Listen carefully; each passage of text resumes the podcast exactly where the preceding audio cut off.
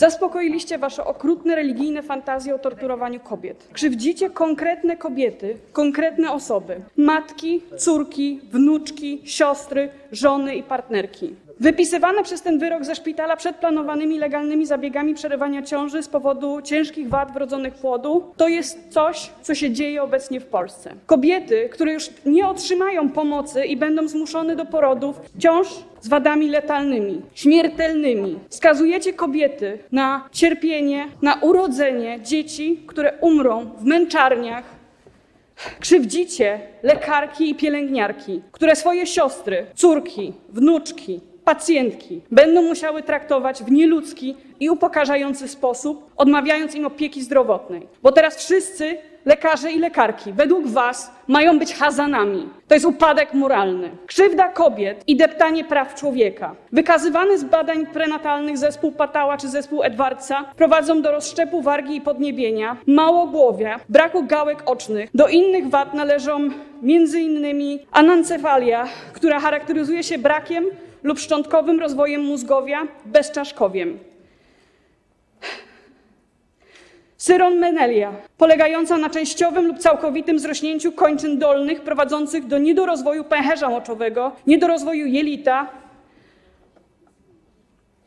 Ektopia serca polega na nieprawidłowym położeniu serca, które znajduje się poza obrębem klatki piersiowej. To tylko niektóre wady kwalifikujące do przerwania ciąży sprzed wyroku Trybunału Konstytucyjnego. Kiedy go opublikujecie, kobiety będą musiały rodzić płody, rodzić dzieci, które rozwijają się z takimi wadami. Chciałabym usłyszeć od Ministerstwa Zdrowia, jakie dokładnie w 2019 roku były przesłanki do przerywania ciąż. Niech kobiety wiedzą, na co je skazaliście. Niech wiedzą dokładnie, jakie były przesłanki, żeby mogły usłyszeć z waszych ust, na co chcecie je skazać, jakim torturom chcecie im poddać. Przez dziewięć miesięcy będą w ciąży, która skończy się tylko i wyłącznie cierpieniem i śmiercią. To są prawdziwe owoce waszej zbrodniczej, pomylonej ideologii. Ale żadna z kobiet nie będzie już szła sama. Będziemy je wspierać. Dlatego wnoszę również o informację, ile zabiegów przerywania ciąż odwołano od wyroku Trybunału Konstytucyjnego o rozpoznaniach, w związku z którymi podejmowano decyzję o przerwaniu ciąży. Ile dzieci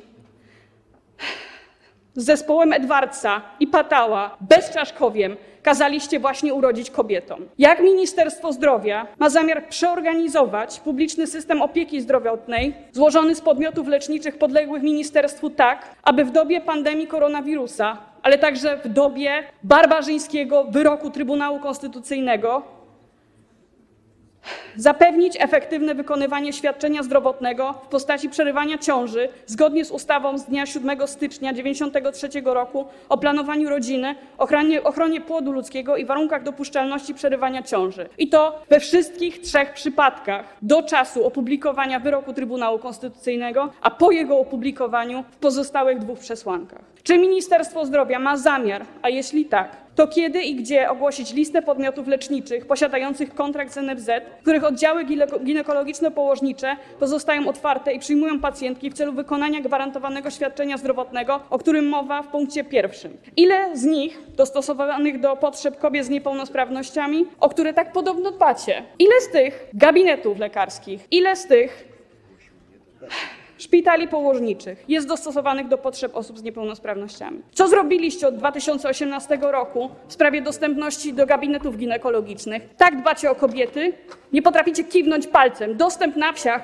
do gabinetów ginekologicznych praktycznie nie istnieje. Pora stanąć przed kobietami, które właśnie skrzywdziliście i wytłumaczyć im wasze okrucieństwo. Siostry, nigdy nie będziecie szły same. Zawsze będziemy was wspierać.